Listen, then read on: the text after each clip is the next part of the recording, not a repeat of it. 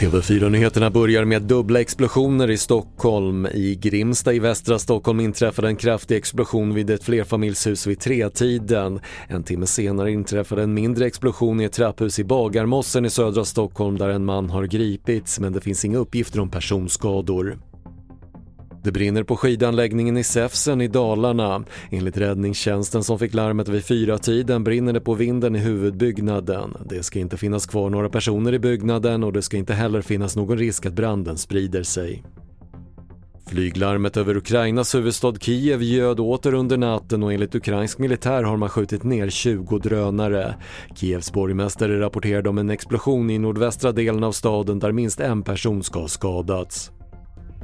Och på nyårsdagen noterade Schweiz den högsta temperaturen hittills på den norra sidan av Alperna. Termometern visade på 20,2 plusgrader i området vid gränsen mot Frankrike där det normalt brukar vara runt 4 plusgrader den här tiden på året. Fler nyheter hittar du på TV4.se. Jag heter Patrik Lindström.